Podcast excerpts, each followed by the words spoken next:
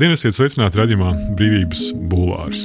Kas ir politiskās attieksmes, kāpēc vieni domā, ka ir konservatīvi, citi domā, ka viņi ir labēji, bet patiesībā ir kreisi.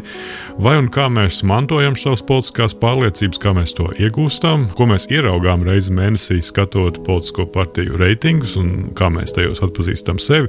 Par to šoreiz radījumā saruna ar socioloģiju Intu Mieriņu. Labdien! Labdien! Kad mēs vērojam, nu, piemēram, politisko partiju reitingu izmaiņas. Mēs spriežam, tur vai viens vai otrs notikums nu, to ietekmējis. Šos reitingus ir krasi vai mazāk ietekmējis. Atšķirībā no, piemēram, vērtībām, ko socioloģijā uzskata, ka tās mainās ļoti lēni. Ar tām politiskām attieksmēm ir savādāk. Atkarībā no tā, par kādām politiskajām attieksmēm mēs runājam. Jo ir tā, ka, ja mēs skatāmies uz tādām attieksmēm kā politiskā uzticēšanās, tad tā ir lieta, kas var mainīties ļoti strauji. Viens notikums. Jā, viens nu, notikums. Eh, nu, teiksim, mēs arī redzējām, kas notika piemēram Covid kontekstā. Jā. Jā. Covid bija viena no lietām, kas vēl vairāk sagrāva uh, sabiedrības uzticēšanos politiķiem. Kā šis viss jautājums tika komunicēts, varbūt nevienmēr tik veiksmīgi. Mēs vienkārši redzējām arī aptaujās, ka tas, kas ir noticis, tas, ka šī politiskā uzticēšanās, kas jau bija zema, ir vēl vairāk nokritusi. Ja? Bet ir citas politiskās attieksmes, kas ir tā saucamās, um, nu, ko literatūrā sauc par simboliskām, jeb dziļi iesakņotām attieksmēm, kā piemēram attieksme pret sistēmu, attieksme pret demokrātiju. Ja? Vai tu uzskati, ka šī ir labāka sistēma, vai, vai tu labāk vēlētos kaut ko citu? Tas ir tas, kas tik ātri nemainās. Un tas arī ir pareizi, jo teiksim, arī uzsēšanās redz kā jūtīgāks indikators, nu, piemēram, valdības nāk un iet, un atkarībā no tā, kas ir pie varas, nu, attiecīgi arī cilvēkiem šī uzsēšanās nu, palielinās vai samazinās. Kaut kādi lēmumi, ja, kas tiek pieņemti, tas nezinu, teiksim, tur um, vienzimumā pāru regulējums vai kaut kas tamlīdzīgs, kaut kādā daļā sabiedrības tas pavilks uz augšu, kaut kādā uz leju. Ja. Tā kā tas viss mainās, un tas ir normāli, un tā tam ir jābūt, tā ir normāla daļa no politiskā procesa. Vēl viena lieta, runājot tieši par šo attieksmi noturīgumu, dažkārt ir izskanējusi arī doma, doma. Es zinu, ka bijušais prezidents Levits runāja par to, ka šī neuzticēšanās politiķiem, tā, ka tas varētu būt saistīts ar padomu mantojumu, ka mēs esam pieraduši neusticēties, jā, neusticēties varai. Un, un tā bija viena no manu pētījumu tēmām, kuras arī analizēju, kā tad ir, vai tā ir vai tā nav. Un izmantojot diezgan sarežģītas arī statistiskas metodas, man arī izdevās parādīt to, ka attiecībā uz uh, uzticēšanos politiķiem, politiskajām partijām, ka pilnīgi noteikti tā nav tiešām nu, cilvēku viedoklis atspoguļo, uzticēšanās atspoguļo to, ko viņi domā par šo partiju darbu.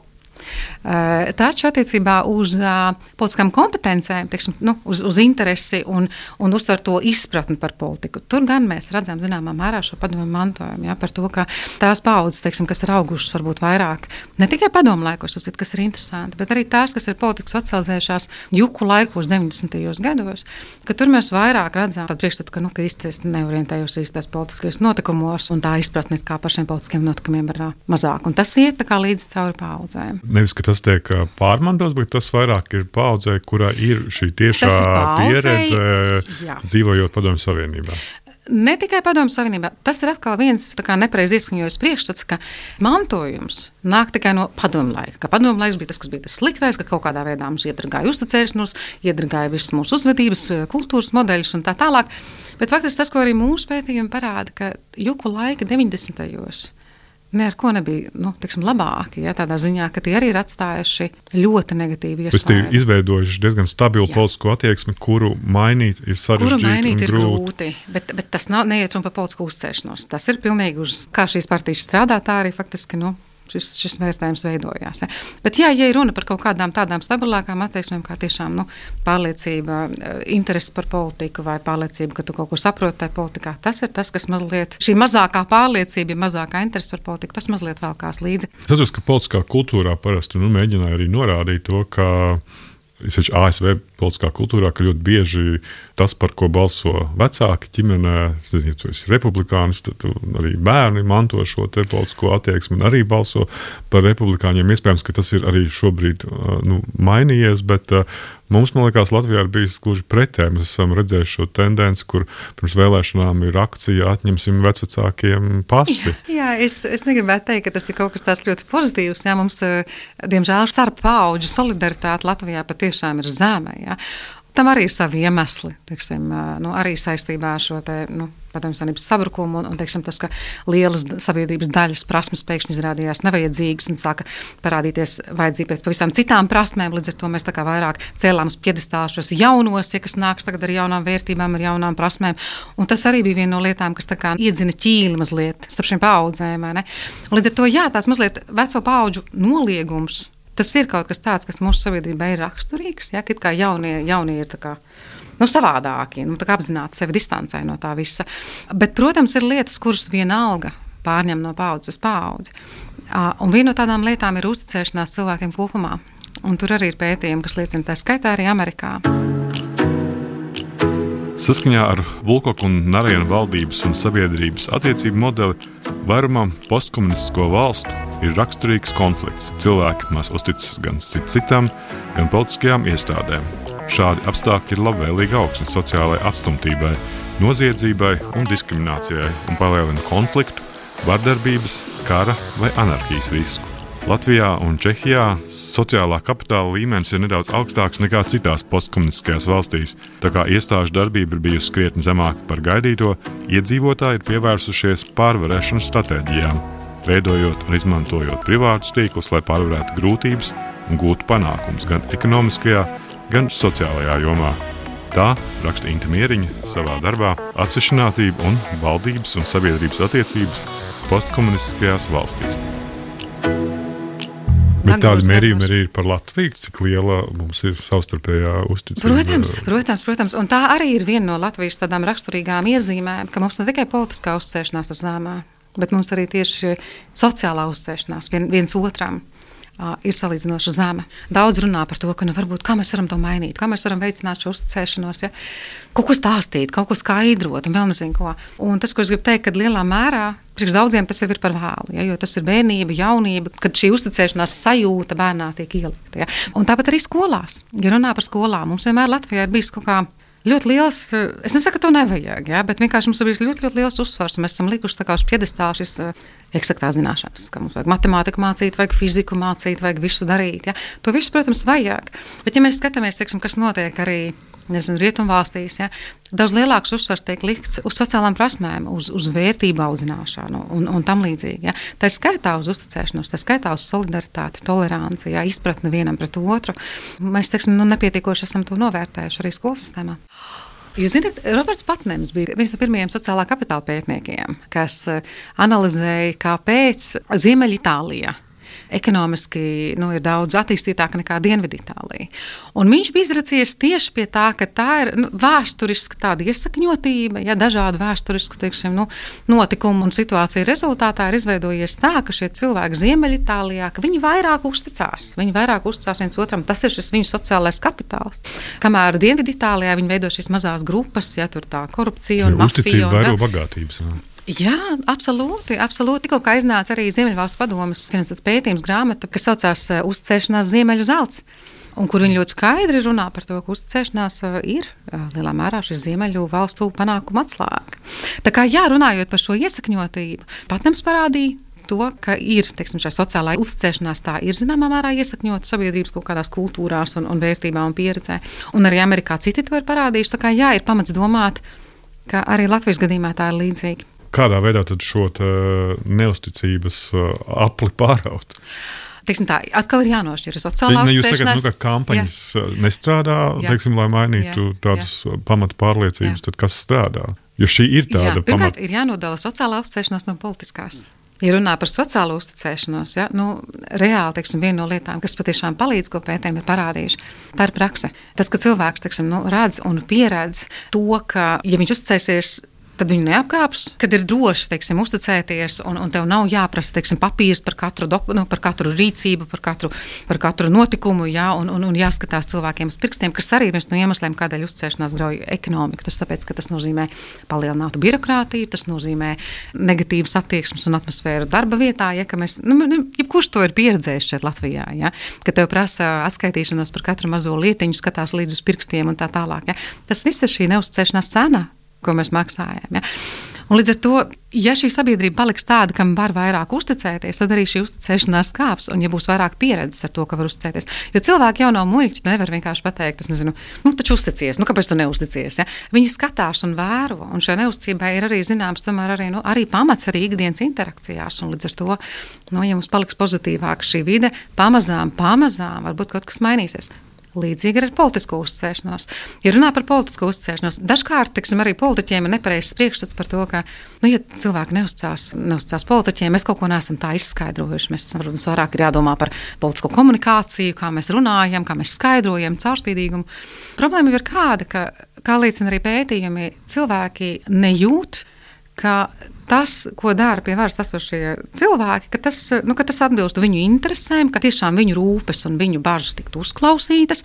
Un ir īpaši teiksim, situācijā, ja viņi saņemās un, un ziedo savu laiku un teiksim, uzraksta kaut kādas petīcijas, vai viņi aiziet kaut kur protestēt, vai kaut ko, ka no tā ir kaut kāds rezultāts. Tas ir tas, kas ir svarīgi. Un, jo cilvēki vairāk redzēs savā praksē, ka jā, es aizgāju teiksim, pie šī te pašvaldības politiķa vai vienalga, vai uzrakstīju šo vēstuli vai petīciju, un kaut kas mainījās, tajā brīdī arī šī uzticēšanās kāpj. Tas ir mākslīgs pieredzē.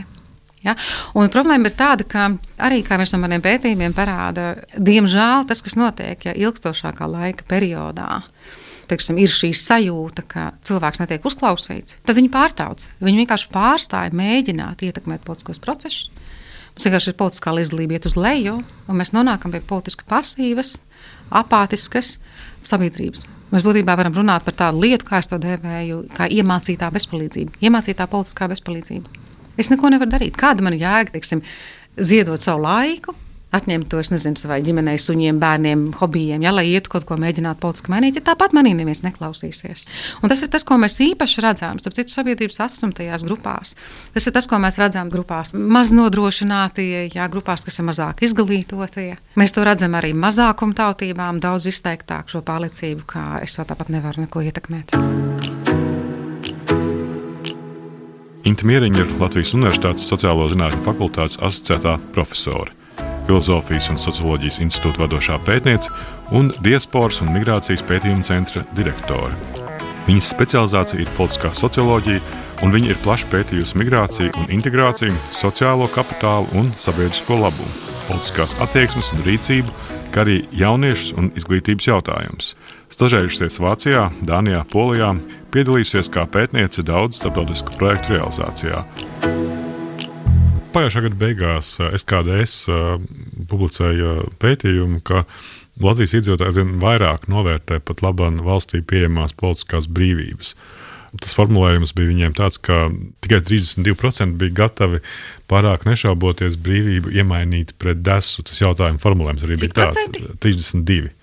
Un pirms 20 gadiem tādi bija vairāk kā 40%, kuri bija kategoriski noraidījuši atteikšanos no politiskām brīvībām, ja tas solītu kādus garantētus finansiāli ekonomiskus ieguvumus. Kaut kādā ziņā ļoti lēnām, bet uh, Es nebiju dzirdējis šos datus, tas liekas ļoti interesanti. Jā, to es kādreiz decembrī publicēju, jā, pagājušajā gadā. Redz, tas, protams, mazliet tās arī hipotētisks jautājums. Ja, ir, nu jā. Protams, ka šie... no vienas puses, teiksim, no sabiedrības arī pārredzības līmenis, lai cik cilvēki, teiksim, sūdzās par dzīvi un par politiku un tā, bet sabiedrības pārredzības līmenis tomēr kāpj.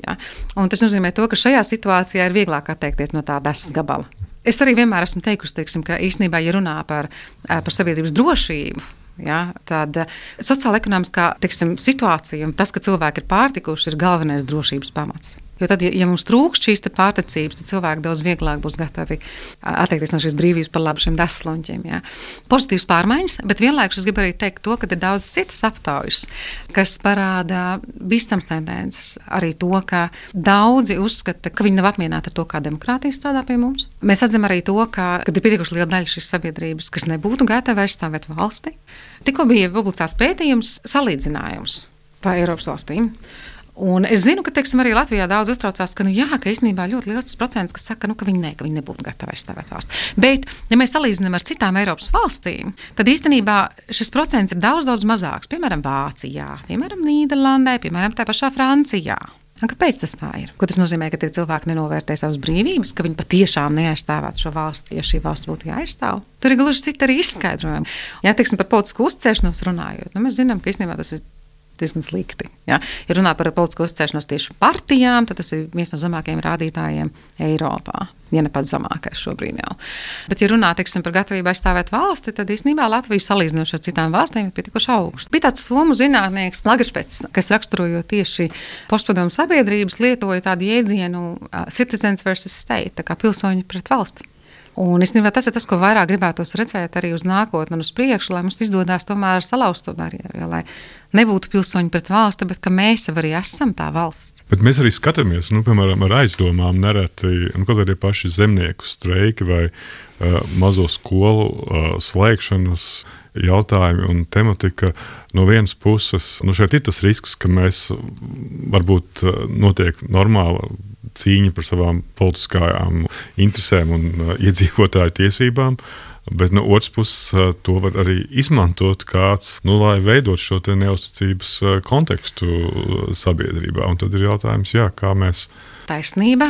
Protams, ka ir šīs bažas teiksim, jā, par to, ka mēs abi procesi ir notiek vienlaicīgi. Jā, nu, mēs darbojamies ļoti politiski sensitīvā kontekstā. Tas ir saprotams. Jā. Bet vienlaikus dzīve neapstājas. Un ir reāls problēmas, kas ir jārisina, un ir reāli izaicinājumi, ar ko cilvēks saskars dienā. Man liekas, tas eh, lauku skolu situācija ir tipisks gadījums, kas labi raksturo šīs sabiedrības politiskās attieksmes un attiecības ar varu. Jo mums pašiem bija pētījums tieši Filozofijas socioloģijas institūtā pirms dažiem gadiem arī ar Norvēģijas grantu atbalstu kur mēs analizējām Latvijas mazās lauku skolas un tieši to situāciju, kas tur notiek, kas notiek, kad skola tiek aizvērta, ka viņa netiek aizvērta. Bija arī šis modelis, ka skola kā multifunkcionāls centrs un, un, un faktiski ka skola mēģina kaut kā izdzīvot, ja? izmantojot visādas metodas. Mēs arī salīdzinājām ar Norvēģiju. Un būtībā tas, kas, ko tas pētījums parādīja, tā kā mēs arī braucām uz turieni, mēs runājām ar šiem skolotājiem, ar pašvaldības cilvēkiem, ar vecākiem. Tas, ko tas pētījums parādīja, bija tas, ka šajos laukos skola nav tikai izglītības iestāde. Laukos šī skola skola ir kopienas centrs. Tas ir kaut kas, ko cilvēku uztver ļoti sāpīgi, jo būtībā tā ir kā kopienas sirds. Ja, un tā sajūta bieži vien cilvēkiem ir tāda, ka, nu, ja šī skola tiek aizslēgta, tad būtībā tas ir kā simbols. Tas, ka nu, viss, būtībā mēs visi varam, nu, vienkārši viss dzīve apstājās. Vairs te neviens nebrauks dzīvot, tā sirds ir izrauta. Ja? Sakiet, ka tas ir subjektīvi uztvere, ja? bet arī šai subjektīvai uztverei ir nozīme. Un līdz ar to, teiksim, arī dažkārt no ministrijas puses komunicējot, redziet, bet statistika saka, ka nu, Latvijā nu, šis kvalitātes jā, rādītāji. Jā, izglītības kvalitātes rādītāji, un arī, protams, tas, ka ir objektīvi taisnība, tas, ka Latvija ministrijā ir taisnība, ka Latvijā šis te, e, finansējums uz vienu skolēnu ir, ir lielāks nekā vidēji Eiropas Savienībā. Ja? Nu, ir dārgi uzturēt šis lauku skolas salīdzinoši, ja? bet vienkārši šī komunikācija, tas iet garām. Vienkārši tas ir kaut kas, nu, mēs tā kā runājamies otram garām, un cilvēki vienkārši to uztver pavisam savādāk nekā, nu, un atkal radās šī nesapratne starp ierēģiem, starp ministriju ja, un, un starp šiem reāliem cilvēkiem, kas ar to strādā. Tāpat Bet arī šo, jūs sakat, ka šo aspektu skolas laukos kā reģionāls sociāls institūts vispār netiek apskatīts šajā te... Pat tad, kad tas parādās, tas nav kaut kas tāds, kas tiek vērtēts. Saprot? Tiek vērtēts tas, ka mēs taču gribam panākt kvalitāti. Ja? Bet tas, ka šī skola, tas, ko daudz arī uzsver šajās mazajās laukos, Tas, ka teiksim, šī skola var piedāvāt daudz individuālāku attieksmi, teiksim, arī bērniem, kas ir no problemātiskākām ģimenēm, ja kur ir uzvedības problēmas, vai kur ir pat kaut kādas, teiksim, varbūt arī novirzes no normas, ja, teiksim, īpašas vajadzības, tā līdzīgi, kur var piedāvāt šo individuālo atbalstu. Ja, un šādā ziņā šie bērni būtu daudz labāk iekļauti nekā tas ir lielajās Rīgas skolās, kur ir grūti varbūt tikt ar viņiem galā šajās lielās grupās un tā tālāk. Ja. Bet atkal, kas ir tas, ko mēs vērtējam izglītībā? Ja mēs tikai faktiski skatāmies uz nezinu, matemātiku, fiziku, olimpiāžu rādītājiem, vidējiem skaitļiem un novērtējumiem, ja, tas ir viena lieta. Bet, ja mēs pasakām, ka ziniet, mums ir svarīgi šis kopienas, mums ir svarīgi, lai arī laukos dzīvotu cilvēki, ja? mums ir svarīgi tiksim, šī kopienas sajūta. Ja? Tā ir cīņa par vērtībām. Kādā ziņā mēs savus nu, attieksmes importējam vai noskatāmies? Nu, ja mēs skatāmies tie paši zemnieku streiki, piemēram, viņi sporādiski šobrīd parādās daudz vietā Eiropā. Nu, zemnieku streiki man ir mazliet tāda skeptiskāka attieksme par to. Katram ir savs stāsts. Protams, ka arī zemniekiem situācija ir, ir smaga. Ir pamats satraukumam, ir pamats, protams, arī visam tam, ko viņi saka. Teiksim, tā ir jautājumi, kur bieži vien tās, tās problēmas saknes ir Eiropas Savienības līmenī. Ar Eiropas Savienības politiku attiecībā uz lauksaimniecību, ko jau daudzus gadus īstenībā atzīst, ka nav pareiza, un viņi arī īpaši nav godīgi attiecībā pret teiksim, Latvijas lauksaimniekiem, kas saņem vienu no mazākajiem līdzmaksājumiem vispār Eiropas Savienībā, nesalīdzinām teiksim, ar tādu Dāniju un tā tālāk, kas arī mums neļauj arī tik labi konkurēt ar pašiem Dāņiem vai Beļģiem vai Nīderlandiešiem, kas arī mums šeit ievada tomātus. Ja? Tā ir tā problēma. Bet no otras puses, skatoties uz šiem protestiem, ir sevišķi runā par tādu Franciju un Beļģiju un tā tālāk. Man gribās domāt, nu, redz, teiksim, tā ir tā grupa, kas spēj par sevi pastāvēt. Tā ir tā grupa, kas paņem savus traktorus, paņem savus piekāpes. Viņi ir redzami. So, viņi ir redzami. Situācijā, teiksim, kad ir kaut kāda grupa, nu, kā piemēram mediķi, ja? vai kā piemēram zinātnieki. Pirmkārt, mediķis, viņam nav traktora, ar ko iziet kaut kur ārā, ja? vai kur tāda baiga redzamies. Otrkārt, viņa pienākums ir palīdzēt pacientam. Viņš nemaz nevar tā paņemt, aiziet no darba, un es tagad iešu kaut kur, nezinu, stāvu, braukšu uz Briseli, ja, un stāvēšu nedēļām tur tagad un protestēšu. Ja? Tāpat arī zin, teiksim, zinātnē. Skolotājiem tas varbūt ir savādāk. Ja? Nu, tu, pirmkārt, tur ir liela masa, ja? bet, teiksim, ja runā par zinātni, zinātnē finansējums ir katastrofāli mazs Latvijai salīdzinoši ar to, kā tas ir nu, uz Eiropas fona. Bet, teiksim, nu, nu, ko mēs zinātnieki, cik, pirmkārt, cik mēs esam ļoti, ļoti maza grupa, nu, ko mēs iesim tagad uz ielas un protestēsim kaut ko, ja vai neiesim uz, uz lekcijām, ja studenti nezinu, ko, nu, kas, nu, kurš to beig pamanīs. Ja? Katrai grupai teiksim, ir dažādas iespējas ietekmēt.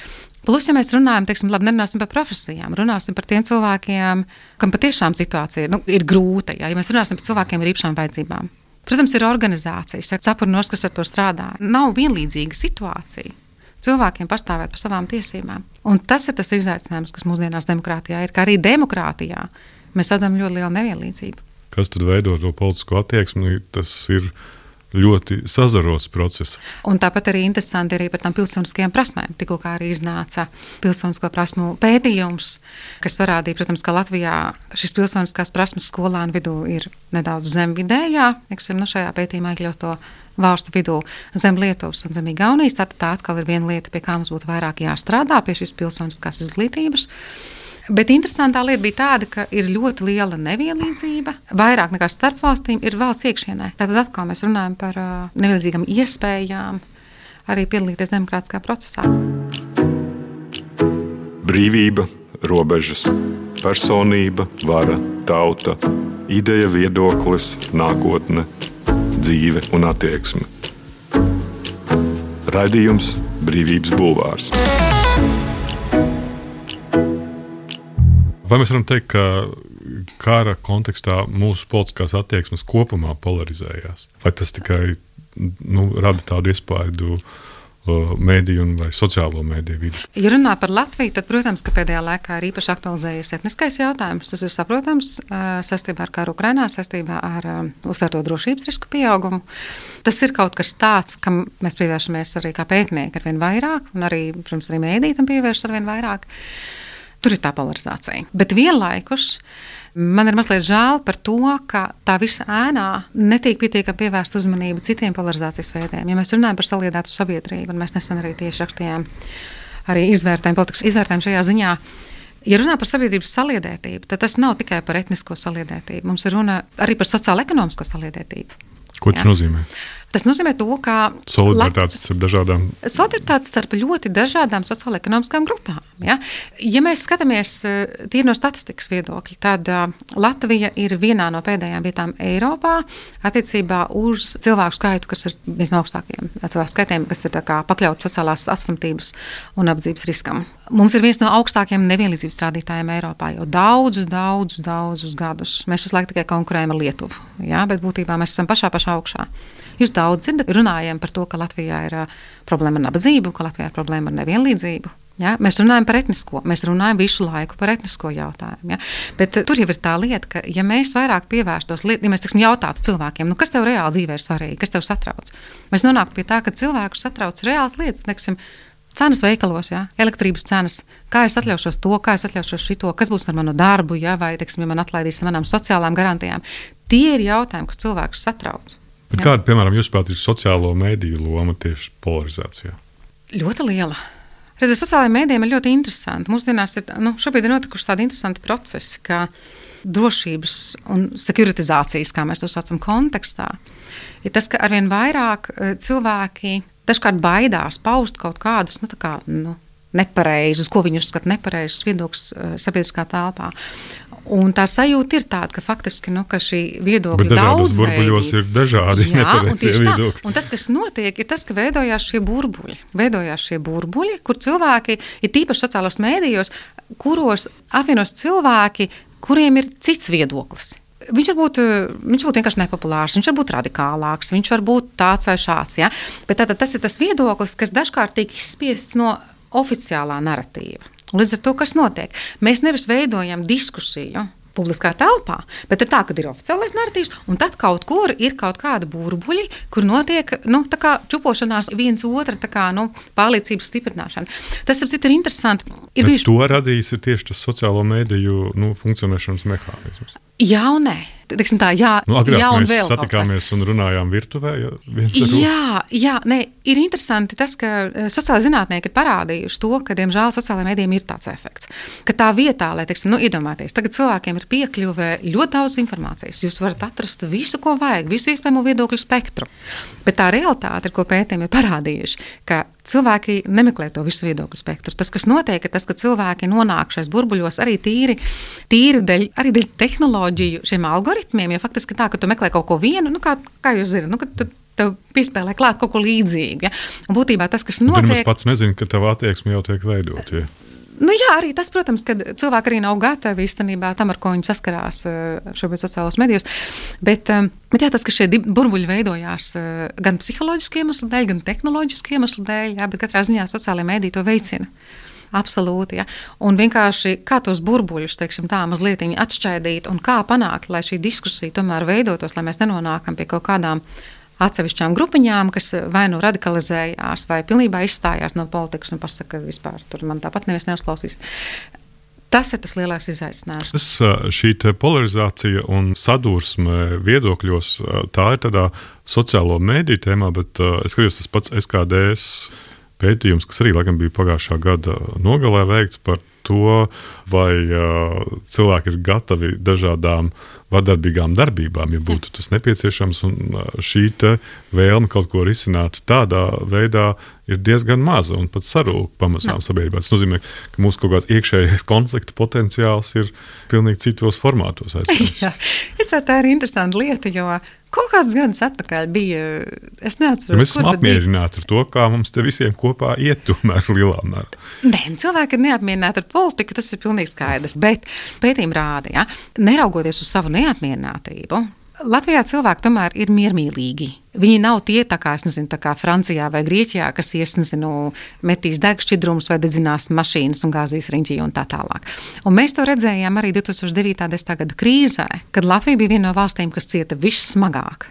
Un toreiz, tad, kad gāja runa par pasākumiem, kad nu, grieza algas pabalsts un tā tālāk izdevumus, ja, kad gāja runa par to, ka nu, vai tā sabiedrība to piecietīs, sabiedrība piecieta. Tāpēc, ka mums ir ļoti miermīlīga sabiedrība. Savā ziņā tas ir gan par labu, gan par sliktu mums. Reizēm ir tā, ka vajag faktiski nu, parādīt zobus arī sabiedrībai. Jo, teiksim, es arī vairākus gadus dzīvoju Polijā. Ja arī 5 gadus nedzīvoju Polijā, strādājot Varšavas universitātē. Un, Un īstenībā tā atšķirība, ko es tur ievēroju, ir tas, ka tur ir tā, ka, ja valdība nedarīs to, ko cilvēki grib, viņi būs uz ielas, viņi būs nikni, nu reāli parādīs to, ka viņš neapmierina. Pie mums Latvijā nē. Tad ir grūtāk arī panākt faktiski kaut kādas izmaiņas. Ar ko tas ir labi, protams, ir tas, ka nu, nu, arī viena no manām pamattēmām, ko es pētu un analizēju, tas ir uh, imigrantu iekļaušana un integrācija un tā tālāk. Neraugoties uz to, ka Latvijas sabiedrība ir ļoti aizspriedumaina, ne tikai pret imigrantiem, bet arī teiksim, pret uh, citas seksuālās orientācijas cilvēkiem, LGBT un tā tālāk. Neraugoties uz to visu, teiksim, atklāti naida noziegumi, vai kāds īstenībā sitīs kādam pa seju, ja, vai pateiks, es nezinu, atklāti, ko tu dari brauc mājās, tas ir reti. Salīdzinot šis ar to, miermīlīgums ir tāds ilgtermiņa politisks. Ne, nu, tā, tas ir tāds, es to saucu par tādu latento vardarbību. Nu, tādā ziņā, ka latentais tāds naidīgums, kas vi- viņš sēž iekšā, bet viņš īsti nu, ārā nenāk. Nu, ir vajadzīgs ļoti daudz, kas, lai patiešām, nu, lai patiešām dabūtu šos cilvēkus teiksim, uz ielas. Paldies! Paldies! Tā bija socioloģija Inta Mieriņa. Mans vārds ir Gins Grūbe. Radījumu ierakstīja Toms Šits un montēja Nora Mītspa. Paldies! Paldies! Brīvība ir brīvība. Nevienlīdzība vai taisnīgums, vai kultūra vai cilvēks laime. Tā teica Iesai Berlīns.